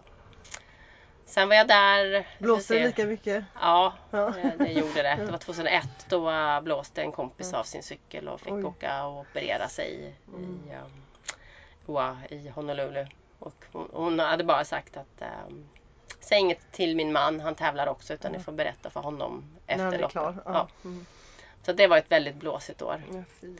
Men ehm, sen eh, tog eh, Sen gick min mamma bort 2003. Jag, jag, jag, backar bandet ett år till. Ja. 2002 fick jag nästan hälsporre. Att jag fick ont i hälen. Jag fick sluta springa ett tag och vilket gjorde att jag fick börja köra spinning. Mm. Och eh, det var ju något gott med sig också för jag träffade min man då. Han var spinninginstruktör. Där. Ja. Sen gick min mamma bort så då försvann jag från spinningklasserna. Och eh, då hade jag anmält mig till en tävling i USA, i Wisconsin. Som jag hade hört var väldigt bra och jag ville göra något nytt. Ville komma bort ifrån allt och bara, bara göra. Och träffa au pair-familjen också som hade flyttat dit. Mm. Så jag åkte dit, blev tvåa i min klass och ja, betydde Hawaii. Hawaii. Fast året efter då, Ja, 2004. okej. Och då fick eh, och då följde min man med. Så det var, det var, och nu har vi snackat lite innan men var det Ja. det året som var det tuffa året? Eller när du, ja Hawaii menar jag nu då. Att du var, du 2001 tyckte jag var det riktigt tuffa Ja, det året. det Och sen- Och tuffa. sen 2004, ja precis Ja. när, jag, när det tog så lång tid. Ja, det när ryggen tid, det det. pajade Ja. och um, precis, det var så mycket där. Um, men um, erfarenheten ändå. Så 2004 var första gången jag körde Kalmar. Det var det jag ville komma till. Mm. Jag ville ha det som en genomkörare innan eh, jag skulle dit. Ja. Mm. Eh, och då, det var Ironman 2004. Det hette, för visst Då hette det Det Järnmannen. gjorde det 2004 ja, också? Ja. precis. Men För det var det jag visste, och, då, och man bytte om i kattrumpan och Mm. sådär och hade sin stol. Och, så det har hänt jättemycket. Ja. Att, Hur många gånger har du kört här i Kalmar då? Jag tror det här blir min fjärde gång. Jag har brutit eh, två gånger. Här i Kalmar? Mm. Ja. Fjärde gången du går i mål då? Eller ja, nu, fjär... Vi ska se, 2004, körde 2009 har jag för mig. 2011 och sen 15, 16 bröt jag, 17 kom jag i mål. Ja, Och så förra året körde du inte då var jag inte här. Var inte här Nej, då. precis. Nej. Men jag tänker att jag hoppar lite vidare Ja, till nästa fråga. Ja. Eh, jag vet ju att du är från Skövde Ja. eh, och eh, tävlar för Skövde. Ja, men bor i Stockholm. stämmer. Hur kommer det sig att du hamnar i Stockholm? Det var jobbets skull. När jag kom Ja. hem från USA och hade varit au pair så tyckte jag liksom att ja, men jag ville jobba. Fast inga jobb. Det var väldigt eh, tungt på arbetsmarknaden då. Och då kom jag i kontakt med ett företag som importerade cyklar. Ah, Trek och Kona. ah, okej. och Kona är en mountainbike. Så Ja. att, eh, då flyttade jag upp till Stockholm. Och så dess har jag inte flyttat hem. Jobbar mars. du fortfarande med att cykla? Nej, det gör jag inte. Nu Nej. jobbar jag med lön. Med lön? Ja. Ah. Ja. Ekonomi? Lön, eh, nej, själva löneprocesser och sådär. Ah, Så okej. att det händer jättemycket med digitalisering. Jättespännande. Spännande. Eh, ja nu var ju frågan vad du jobbar med och det fick vi ju reda på Ja. där. Men lite så här, du har ju familj, två barn idag. Ja, Eh, sambo eller man, jag Man, vet inte. är gifta. Ja. Eh, och du jobbar heltid. ja. Och så gör du den här satsningen. Vi hör ju många Ironman och allt du Ja. har kört här när du berättar, helt galet. Eh, men hur får du ihop din vardag? Hur ser en dag ut för dig? Ja, jag eh, vaknar och jag ser till att alla barn kommer iväg till skola och sådär. Och sen cyklar jag till jobbet. Jag har sen 2014, hösten 2014 bestämde jag mig för att sluta åka kollektivt till Stockholm. Sluta åka pendeltåg och alla signalfel och allt vad det innebar. Så att jag började cykla mountainbike till jobbet fram och tillbaka. Det är helt underbart. Det är, jag kör kort, jag kör hårt. Det är 25 minuter till jobbet, 25 minuter hem. Men det är 50, ti- 50 minuter bra träning. Vad har du? 25 minuter? Vad är det? En och en halv, två mil eller? Vad är det? En mil? Nej, Eh, ja, jag vet inte ens. Det Nej, du vet inte nej. Nej, det är nej. inte så långt. Nej. Men eh, just det där att Var, ja. ta, ta vara på tiden. De små luckorna som finns i vardagen. Ibland känner jag för att när jag tar en löptur på lunchen, då gör jag det. Men jag har inget schema jag följer.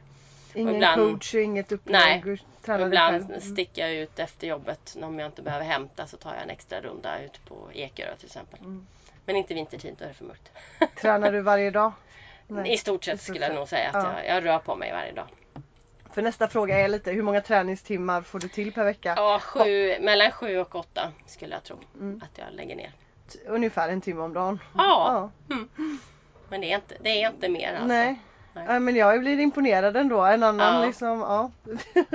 Och det, det är väl den största skillnaden sen jag fick barn. Just Mm. det där att förut, då hade jag ju Mer tid. mer tid och man tränar mycket mer men mina tider är ungefär detsamma när jag kommer i mål. Och det känner att då är kvalitet före Mm. kvantitet för mig. Det är roligt att höra.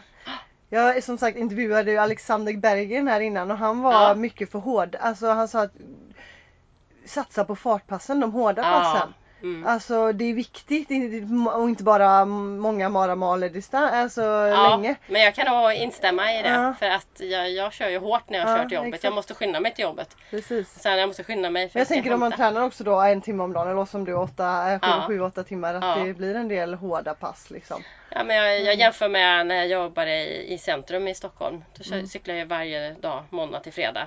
Och visst, det kanske inte kändes, ja men det är inte så mycket träning. Men Mm. lägger man ihop måndag till fredag, det blir 15 mil i veckan. Mm. Det är ganska det är mycket. mycket, absolut. Ja. Verkligen. Eh, men eh, tränar din sambo lika mycket?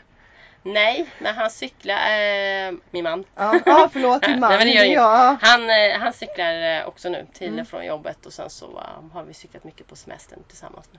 Ja. Att, Men, och men hur ser han på din, din satsning som du eller liksom ja, Ni måste ha ett bra samspel tänker jag. ja precis, men oftast eh, vi brukar inte träna tillsammans Nej. utan eh, jag tränar kanske tidigt. Han är inte riktigt morgonmänniska Nej. som jag. Nej. Och det följer sig helt naturligt. Då sticker jag ut först och sen när jag kommer då är det hans tur att sticka ut och träna. Löser Men- av varandra Ja, helt men nu på semestern nu, nu i somras då lyckades vi faktiskt att jag lyckades få med honom Mm. ut på morgonen och han insåg, han, han insåg värdet av det att sen har man ju hela dagen ledigt. Ja, exakt. Och värmen kommer där när man är på Cypern. Det är inte lika skönt att ge sig ut längre. Nej, Men det kan vara kul att träna ihop också kan jag tänka mig om Ja. man inte gör det så ofta. det var fem, fem, första gången på 15 år vi lyckades med det. Ja. det är ju bra. Ehm, när började Ja det har du egentligen så du började med triathlon och hur många Ironman har du gjort? Du har ju rabblat upp nu Det redan. här, men... Jag har gjort 18 målgångar. 18 Så målgångar. kommer jag i mål nu blir det min 19. Mm. Men jag har gjort då två starter till där jag har brutit efter Och simningen. båda de i Kalmar. Japp. Är det våg, var det när det var så blåsigt? Det, eller? Nej, Nej. det är ett år var, jag tror, tror att det var 2010, det var jättekallt i vattnet. Det var Ah, typ okej. 13 grader. Alltså jag frös, jag huttrade så mycket så att bara tanken av att cykla, det, det gick inte. Funktionärerna gjorde allt. Verkligen allt. Men sätt dig bara här, bli varm och allt. Men jag bara, nej. Det går inte idag. Det kommer fler lopp.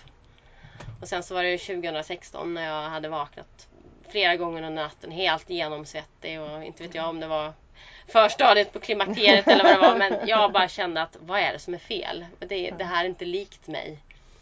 Men eh, jag pratade med någon läkare innan och sa var, var, varför är du här? Ja det kan man ju undra också men det, jag vill bara få ett gott råd. Mm. Då träffade jag Urban Strömberg som då var tävlings, hade varit tävlingsledare förut. Och uh, han sa, men Helena starta i alla fall. För det var helt Mm. lugnt vatten. Och så sa jag, känn efter, du vet ju att känns det inte bra kan du alltid bryta. Jag är lite emot att bryta men Mm. eh, jag gjorde faktiskt det, det året. Det är jäkligt duktigt att lyssna på kroppen. Jag, Ja. nog, jag kan vara svår, ha svårt för det själv. Det kan vara jättesvårt, Ja. det är fruktansvärt svårt. Mm. Alltså man förstår inte. Var, var, man vet inte liksom. Mår jag tillräckligt eller vad är det för känsla? Men, men jag, jag valde att liksom hellre bryta nu efter simningen än att någonstans Mm, ute på ja, Öland att det inte känns bra. Eller har man ju cyklat också då känns det nästan sådär. Du är så nä nära fast du har ett maraton Ja. kvar. Men, Men speciellt när man inte riktigt vet vad, vad det är som Nej, är i kroppen. Men jag tog revansch 2017. Ja, precis. Grymt. Eh, men du har kört Kalmar x antal gånger och du har Ja. varit på Hawaii och du har som sagt kört hur många lopp som helst.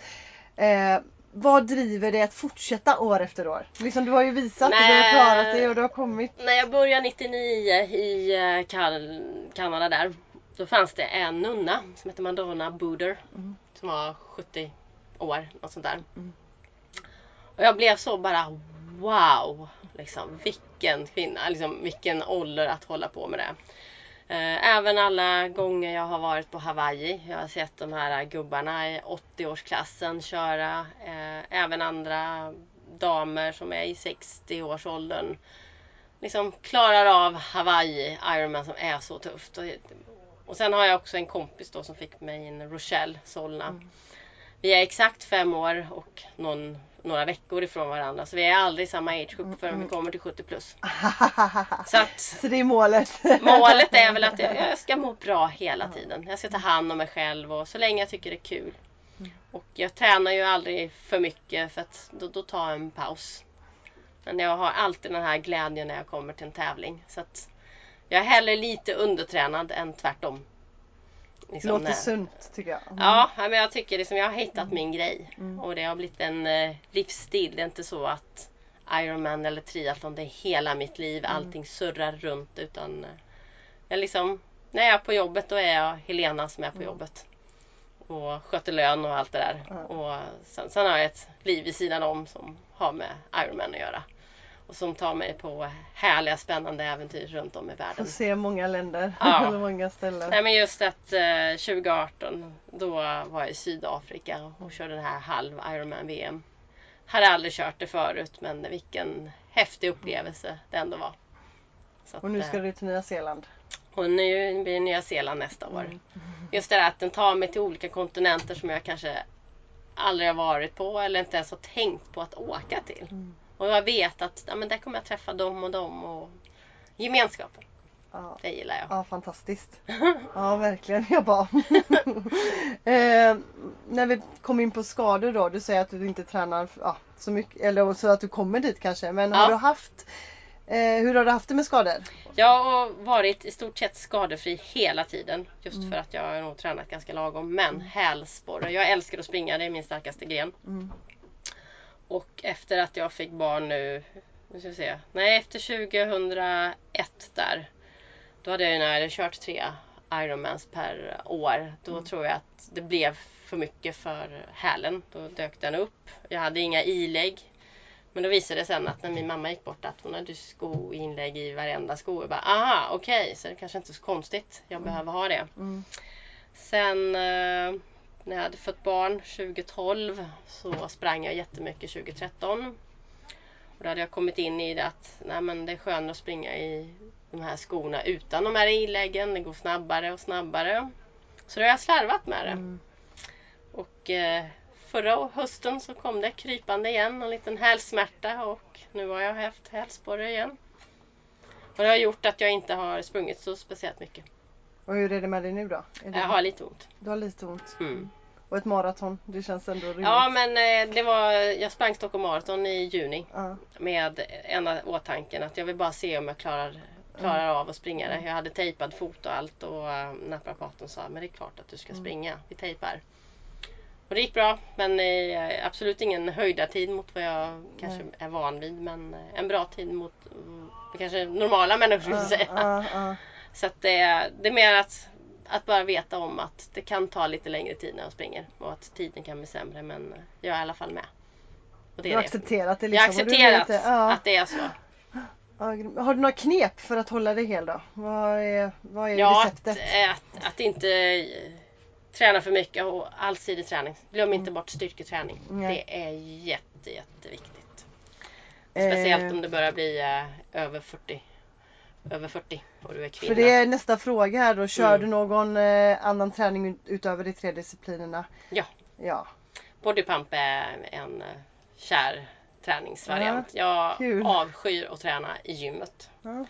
Och jag blev... eh, Ja, det är nog 20 år jag har tränat bodypump nu, om inte lite, om inte lite längre.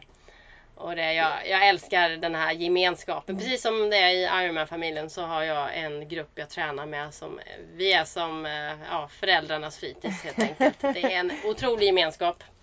Väldigt bra instruktör och som pushar oss att Kul. Jag, Ta jag drar parallell med min pappa nu. Ja. Han också så här. Sen jag vet inte alltid, sen jag föddes typ 30 Ja. år nu då. Bodypump, samma klass, samma instruktör, samma gäng. Han är typ ensam med man för det är bara kvinnor som går på det.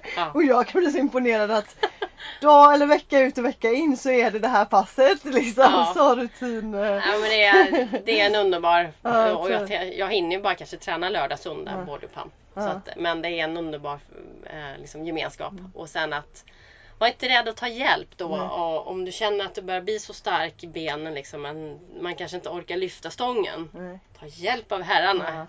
För att eh, det är så också man lär känna dem. Ja. Så att det, De vill gärna hjälpa till om du ber om det. Det är ju bara roligt liksom. Ja, Ja, ja men och rö- rörlighet, yoga, så tänkte ja du på det? yoga är min lilla kille. Så här, jag borde göra det. Det låter Men- som mig, jag borde. Jag borde göra det. Eh, nu på Cypern så såg jag en morgon när de tränade yoga Mm. utomhus.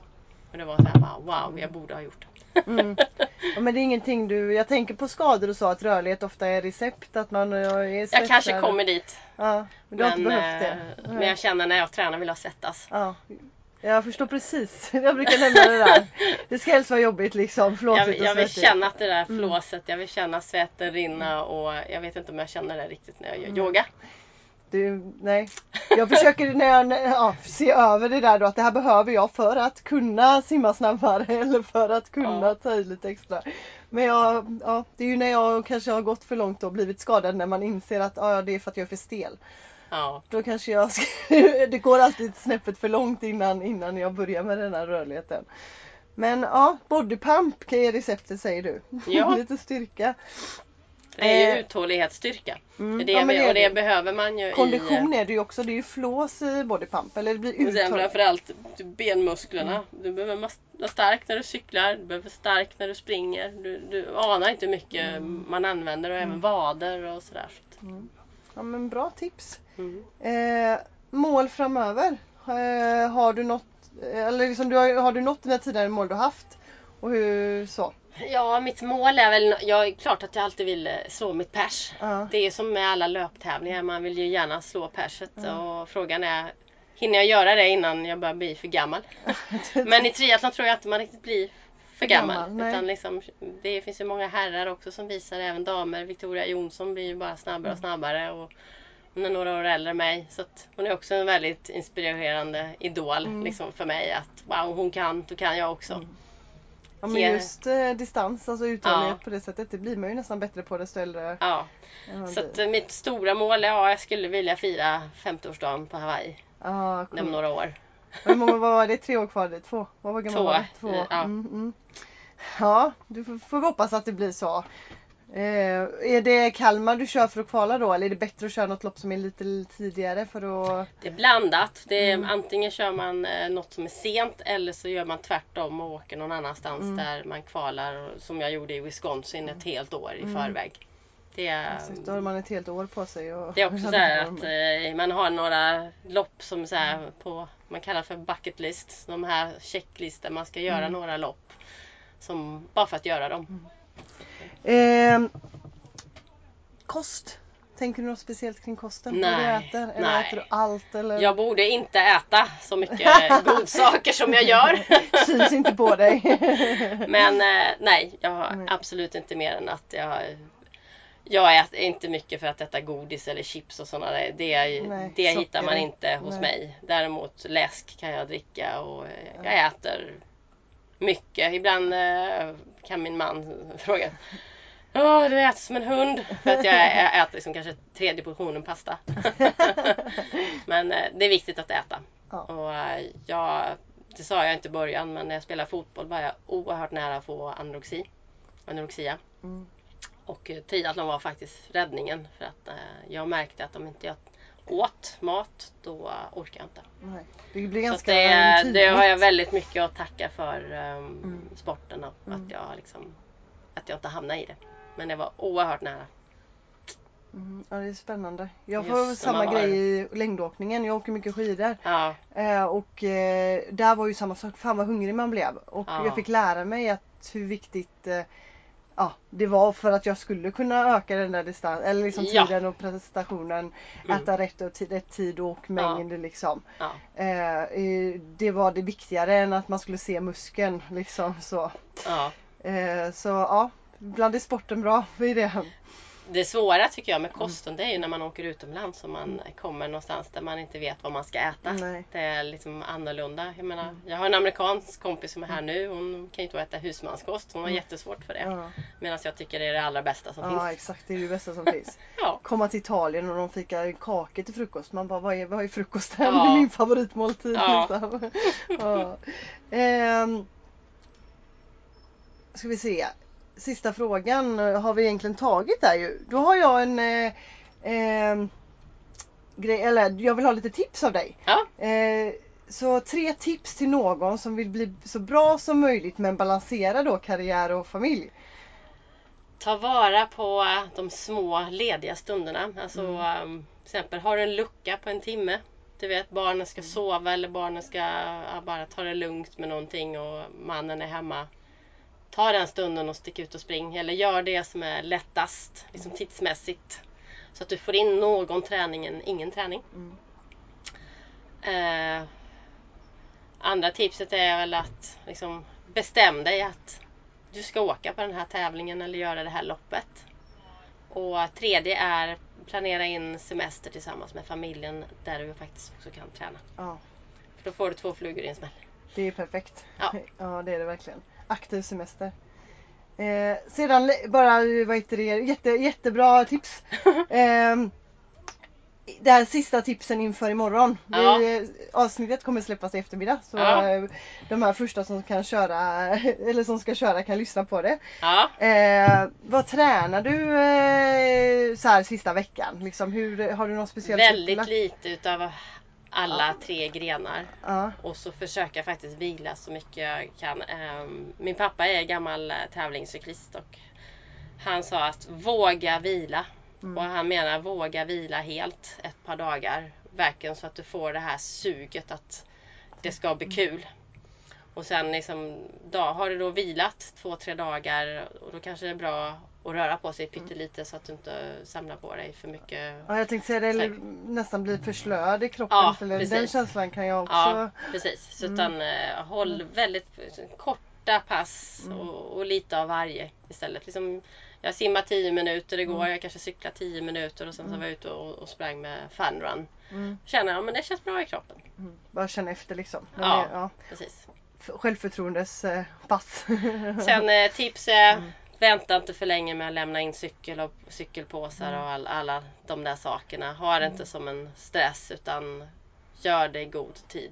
Det är, det är tips. Ja. ja.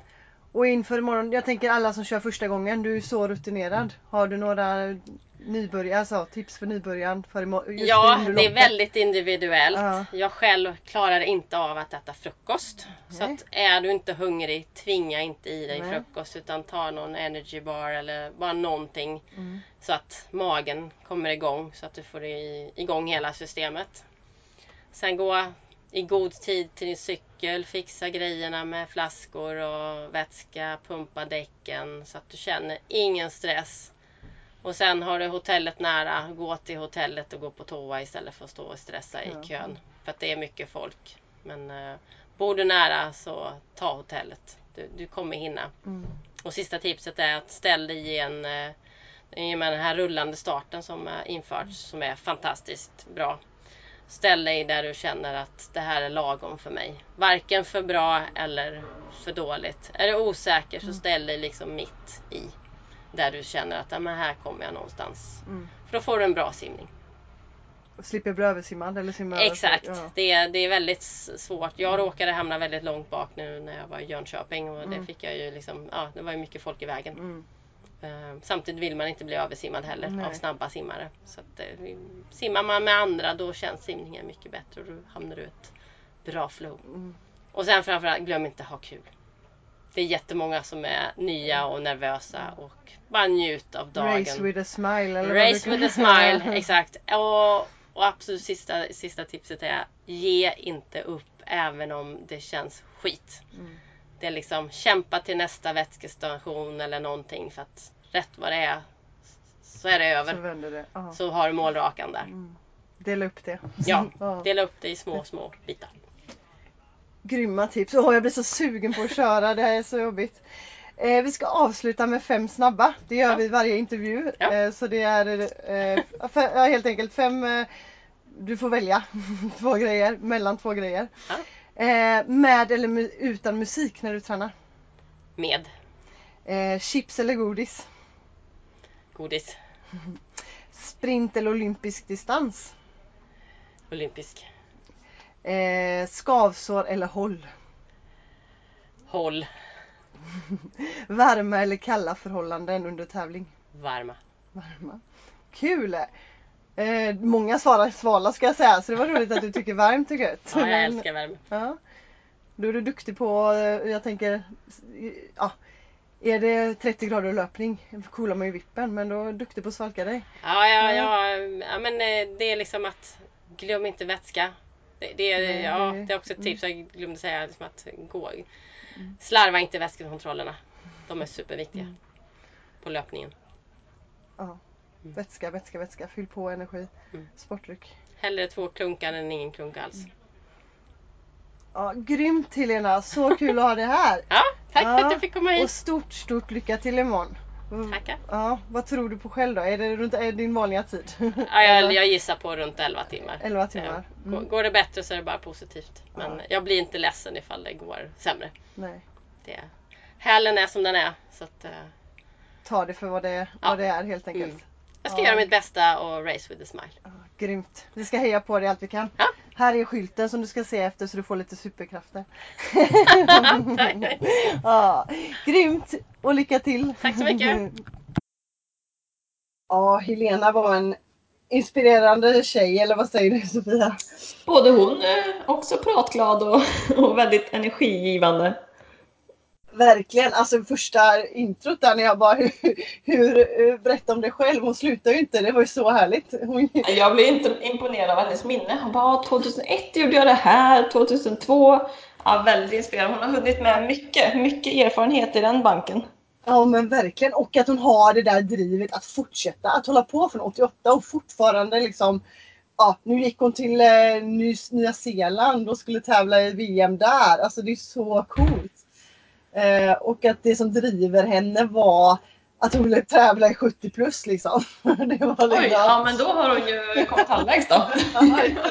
Hon sa det, hon, hon hade träffat en, eller en kompis hon har fått genom triathlonen som är fem år yngre än henne.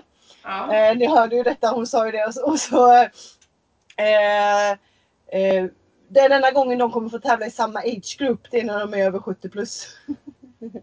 Så, så Det är också ett var att bra de skulle, mål. Ja exakt, de skulle tävla mot varandra i samma age-grupp så då måste de ju bli 70 plus båda två där då och tävla. Ja, men väldigt inspirerande och det gör att jag känner mig lite mindre stressad jag med alla mina skador. Jag är ju ändå bara 27. Jag har ju ganska många år på mig kvar att utföra de här Ironman distanserna som jag någon gång vill. Och man blir bara bättre och bättre på långdistans så att du kommer vara din peak när du, det kanske är 70, 70 plus. Ja, man vet aldrig. Och Det skulle vara coolt det med. Ja men verkligen. Hon sa ju också att hon hoppas ju fortfarande på att kunna persa liksom. Ja. Eh, att det är mål, också ett mål och ett driv att kunna göra rekord. Eh, och det, just i triathlon är ju faktiskt det möjligt. Att kunna bli bättre trots att man, eh, eller liksom slå sig trots att åldern kommer. Det, det, det är man ju inte på sprint direkt. Det tappar man ju när man, är, när man blir äldre. Precis, explosiviteten. Eh, exakt. Den ramlar av. Ja, men jättebra och bra pepp här inför eh, morgondagen för de som Ja. ska köra. Eller för de som går längs med banan kan ju lyssna på Ja, detta ja, samtidigt. Ja, verkligen. Och, eh, ta åt er och nybörjartipsen hon gav och första gångs triatleterna. Lyssna på henne. Hon är ju rutinerad liksom. Hon har gjort det här några Precis. gånger. Jag själv som då bara har gjort det en gång känner verkligen så. eh, Ja, det är så det är. Man är så stressad och i sin ja, första gång. Man vet ju ingenting. Här Nej, snackar vi om rutin. Men ska vi ge lite av våra sista minuten tips också?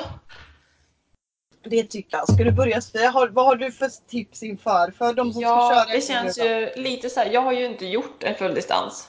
Men jag har ju gjort Jönköping en halvdistans och jag har gjort några triathlon så. Så jag tänkte bara generellt vad jag tror. Ja, och mycket lopp överlag. Alltså du så. Ja. Du har ju tävlat mycket. Men något jag som då, som vi har pratat om i flera andra avsnitt, som är en planerare, Mm. skulle ju ha skrivit upp en liksom detaljerad checklista, packlista. Och även vad man ska ha i de olika påsarna i T1 och T2 och så vidare. Och verkligen checka av den dagen innan så att man vet att allting är med. Det är väl mitt första tips, skulle jag säga. Mm. Och sen något som man kanske behöver tänka på lite tidigare, men att planera in energin under loppets gång, för det är någonting som kan vara lätt att glömma. Att man liksom har en plan så att man inte glömmer bort det, utan ska man ta en energigel eller liknande varje kvart, ja, men då får man sätta in på datorn kanske, eller klockan att den piper varje kvart så man verkligen kommer ihåg det. Eh, för det, när man börjar bli trött är det lätt att glömma och kan- sen kanske man inte orkar men då tar det, det blir bara sämre i längden. Ehm, Ja, och sen på just ett triathlon som är så långt skulle jag väl om jag gjorde en fulldistans tänka liksom en, en gren eller ett moment i taget. Att liksom, ja, men nu tar jag simningen, det är simningen jag ska klara av. Och sen när jag närmar mig slutet på simningen, ja, men nu ska jag fokusera på 10 Nu är det 10 jag ska göra bra här. Och sen när man är 10 liksom, ja men nu ska jag ut på cyklingen, då är det bara cyklingen. Lite så, Där- så att man delar är upp det- det. Nej, exakt, och cyklingen får man nästan dela upp det i etapper. Där får man ju nästan ta vätskestationer liksom. Varje del. Ja, Ja, precis. Man kan ju dela upp det på olika nivåer liksom. men exakt.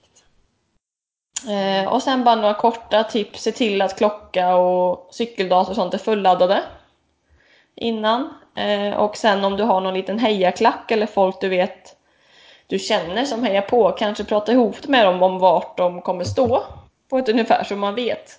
För då kan det också vara något så här att se fram emot. Om jag vet att Therese ska stå där. Att ja, men nu kommer snart Therese. Jag ska klara mig till Therese. Liksom. Eh, det är någonting som jag har tyckt varit väldigt skönt när jag har kört mina lopp och mina föräldrar till exempel har varit och hejat eller liknande. För då får man en liten extra boost där. Så det är väl mina korta tips om jag bara skulle generalisera lite. Men du då som har genomfört en Ja, fulldistans? Grymma tips, verkligen. Jag skulle väl säga inför, precis som du, det, alltså, eh, med detaljerna liksom. Ha packat dina påsar och skriv lista så du verkligen får med dig allt så du känner dig lugn. Även du som inte gillar att planera och... Ja, ja men jag, jag är verkligen sån där att jag lägger upp, alltså, ja, jag i tid skulle jag vilja komma till egentligen att gör alla grejerna så, så fort som möjligt. Liksom. Packa dina påsar, checka in cykeln så fort du kan. Ha allt avklarat så du känner att nu har jag gjort allting, nu kan jag slappna av och nu har jag x antal timmar där jag inte behöver tänka längre för att allt är färdigt. Liksom. Så bocka av alla grejer man måste göra så, så, fort, så snart du kan så man inte är ute i sista minuten och stressar och missar grejer. Man vill vara, eh, ja, men kunna ta det så lugnt som möjligt. Det, det har jag verkligen med mig från förra året. Jag gjorde så gott jag kunde med allt det här men ändå så var det ja, sprang till racebriefingen, skynda hit. Jag hade gått typ 20 000 steg dagen innan liksom. Man bara, jag skulle vila idag.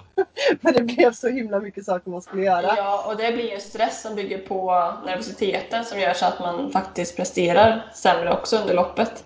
Ja men exakt. Så, så var ute i god tid och försök planera så väl du kan. Eh, trots att man kanske inte är den mest planerande människan och tycker det är kul att inte planera så det är skönt alltså. Sen får man ju mer rutin desto eh, fler gånger du har gjort det. Blir mer avslappnad. Men när man gör Ironman första gången så är det naturligt att man, man vet ju inte. Är, man är nervös och man vet inte vad som väntar. Och, eh, och vad är det alla grejer man ska göra här? Packa de här påsarna bara. Det är ju, har jag lagt allt liksom? Vågar checka in det nu? Har jag glömt någonting viktigt? Eh, så ja, det där är i tid säger jag gör det så eh, tidigt det var möjligt att göra det. Det kan låta som ett enkelt tips men det är ganska svårt. Det blir alltid stressigt i, alltså på tävlingar. Ja. Och sen vill jag bara säga då njut och gör allt. Alltså, när du står på starten, lita på jobbet du har gjort. Du kan inte påverka mer nu liksom. Eh, så du står där, du har gjort vad du har kunnat. Eh, släppna av och njut av den här dagen för den är helt fantastisk det finns inget mäktigare än att göra en Ironman och gå mål på den här mattan. Eh, så, så koppla på leendet och koppla bort eh, all, all nervositet och eh, liksom, ja, så gott man kan. Eh, och bara, bara njut. Och följ med strömmen liksom. Känn ingen stress under, under själva loppet. Eh, det är mitt tips, verkligen. För det är en sån fantastisk upplevelse och Kalmar är det coolaste ah, ah, alltså stämningen här och så mycket åskådare och folket. Det är en stor jävla folkfest hela dagen imorgon. Eh, det står liksom ja, men åskådarna och publiken. Det är hela vägen, till och med hela cyklingen är 18 mil. Så dansar folk och klappar händerna och hejar på dig och spelar musik. Och man har inte tråkigt någon gång. Man kan typ inget annat än att le. Så, så njut av det och verkligen ja, känn hur grym du är. Och sen ett sista tips är att fortsätt. Fortsätt, fortsätt, fortsätt. Är du trött, ta höger ben framför vänster hela tiden. Eh, fortsätt liksom gå. Du kommer i mål. Och det, ja, det, var någon kännas... jag, det var någon jag hörde som sa att liksom, din långsammaste joggning tar ju ändå fram snabbare än att om du går. Så att försök att inte stanna. Nej, bara rör dig. Liksom. Ja. Rör dig framåt. Uh, och det kommer vara jobbiga perioder. Du kommer säkert känna att du vill bryta. Men gör inte det. Fortsätt bygga upp det som sagt på grejer. Snart kommer nästa vätskestation. Det, det kommer någon åskådare som du, ja, mamma, kompis som hejar på dig. Ta det successivt. Bygg upp det i små, små bitar. Uh, det är så värt den röda mattan när du springer över mållinjen. Ja, jag är så uh, sugen. Jag vill också klara det. Ja, alltså så fortsätt är mitt sista tips. Och så, Bara, ja. Jag är så imponerad av alla som klarar det och stort lycka till till alla som kör.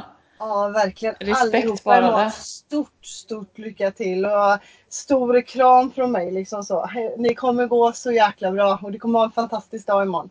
Och jag kommer stå här med en stor hand eller en stor skylt där det står eh, att jag ger er superkraft om ni slår här. Så ni får komma och springa förbi mig och ge mig high five så ni får superkrafter. Ja, jag älskar sådana skyltar. Ja, det är så roligt. Så eh, jag kommer stå längs löparbanan här och ropa på er alla och heja. Och alla som gör det här för första gången, ni är fantastiskt grymma och det är så roligt. Ni har världens bästa dag framför er. Mm. Eh, kul! Ja, riktigt sen, kul! Jag vill också bara passa på att säga ni som lyssnar på podden får jättegärna dela med er av den till sådana ni känner eller i sociala medier eller något om ni tycker den är bra för att sprida oss. Det vore jättekul. Dela och lyssnar ni på den så får ni gärna lägga upp en story att ni gör det och tagga oss så vi kan dela det vidare. Ja, och har ni eh. feedback eller tips på teman eller intervjuer så kan ni jättegärna skriva till vår Instagram, triathlonsnack. Eller vår mail triathlonsnack outlook.com funkar lika bra. Exakt. Riktigt, riktigt grymt. Och, och nästa avsnitt om två veckor. Yes, Så- då är vi tillbaka på två veckors rutin igen. Exakt, tillbaka till det vanliga. Och vi levererar ännu en eh, intervju. Mm, med supertjejer. Det ska bli jättekul. Ja, jag ser jättemycket fram emot den intervjun faktiskt. Det är med Sara Svensk. Yes. Som är sjukt duktig på långdistans och halvdistans och vet att hon sprang, eh, hon slog ju något rekord där på en hel, eller ja, på den banan just men det var en hel Ironman och hon gjorde den på under nio timmar. Ja, Eh, imponerande. Så hon är så fantastiskt duktig så det skulle bli sjukt kul att få intervjua henne och eh, få höra hennes eh, resa helt enkelt. Precis, så har ni några specifika frågor till Sara så vi kommer ju slänga ut blänkare på Instagram men även innan dess så det är bara att skriva till oss Yes. så får vi mer frågor på hand. Grymt! Då ska vi runda av dagens avsnitt tänker jag. Så Mm. det blev långt idag. Eh, och Eh, riktigt kul med sådana här extra specialavsnitt. Med eh, eh, ja, live helt enkelt. För det är faktiskt en liveinspelning. Det blir väldigt så här på... Det kan jag ju också säga att kvalitet, eller nu är det lite sent, det skulle jag sagt innan. Men jag har hört att kvaliteten har varit lite annorlunda och det beror på att jag har haft en portabel mick med mig när jag har intervjuat ute på gatan. Eh, Alexander och Helena har suttit på kajen i Kalmar. Eh, så ni vet varför, anledningen.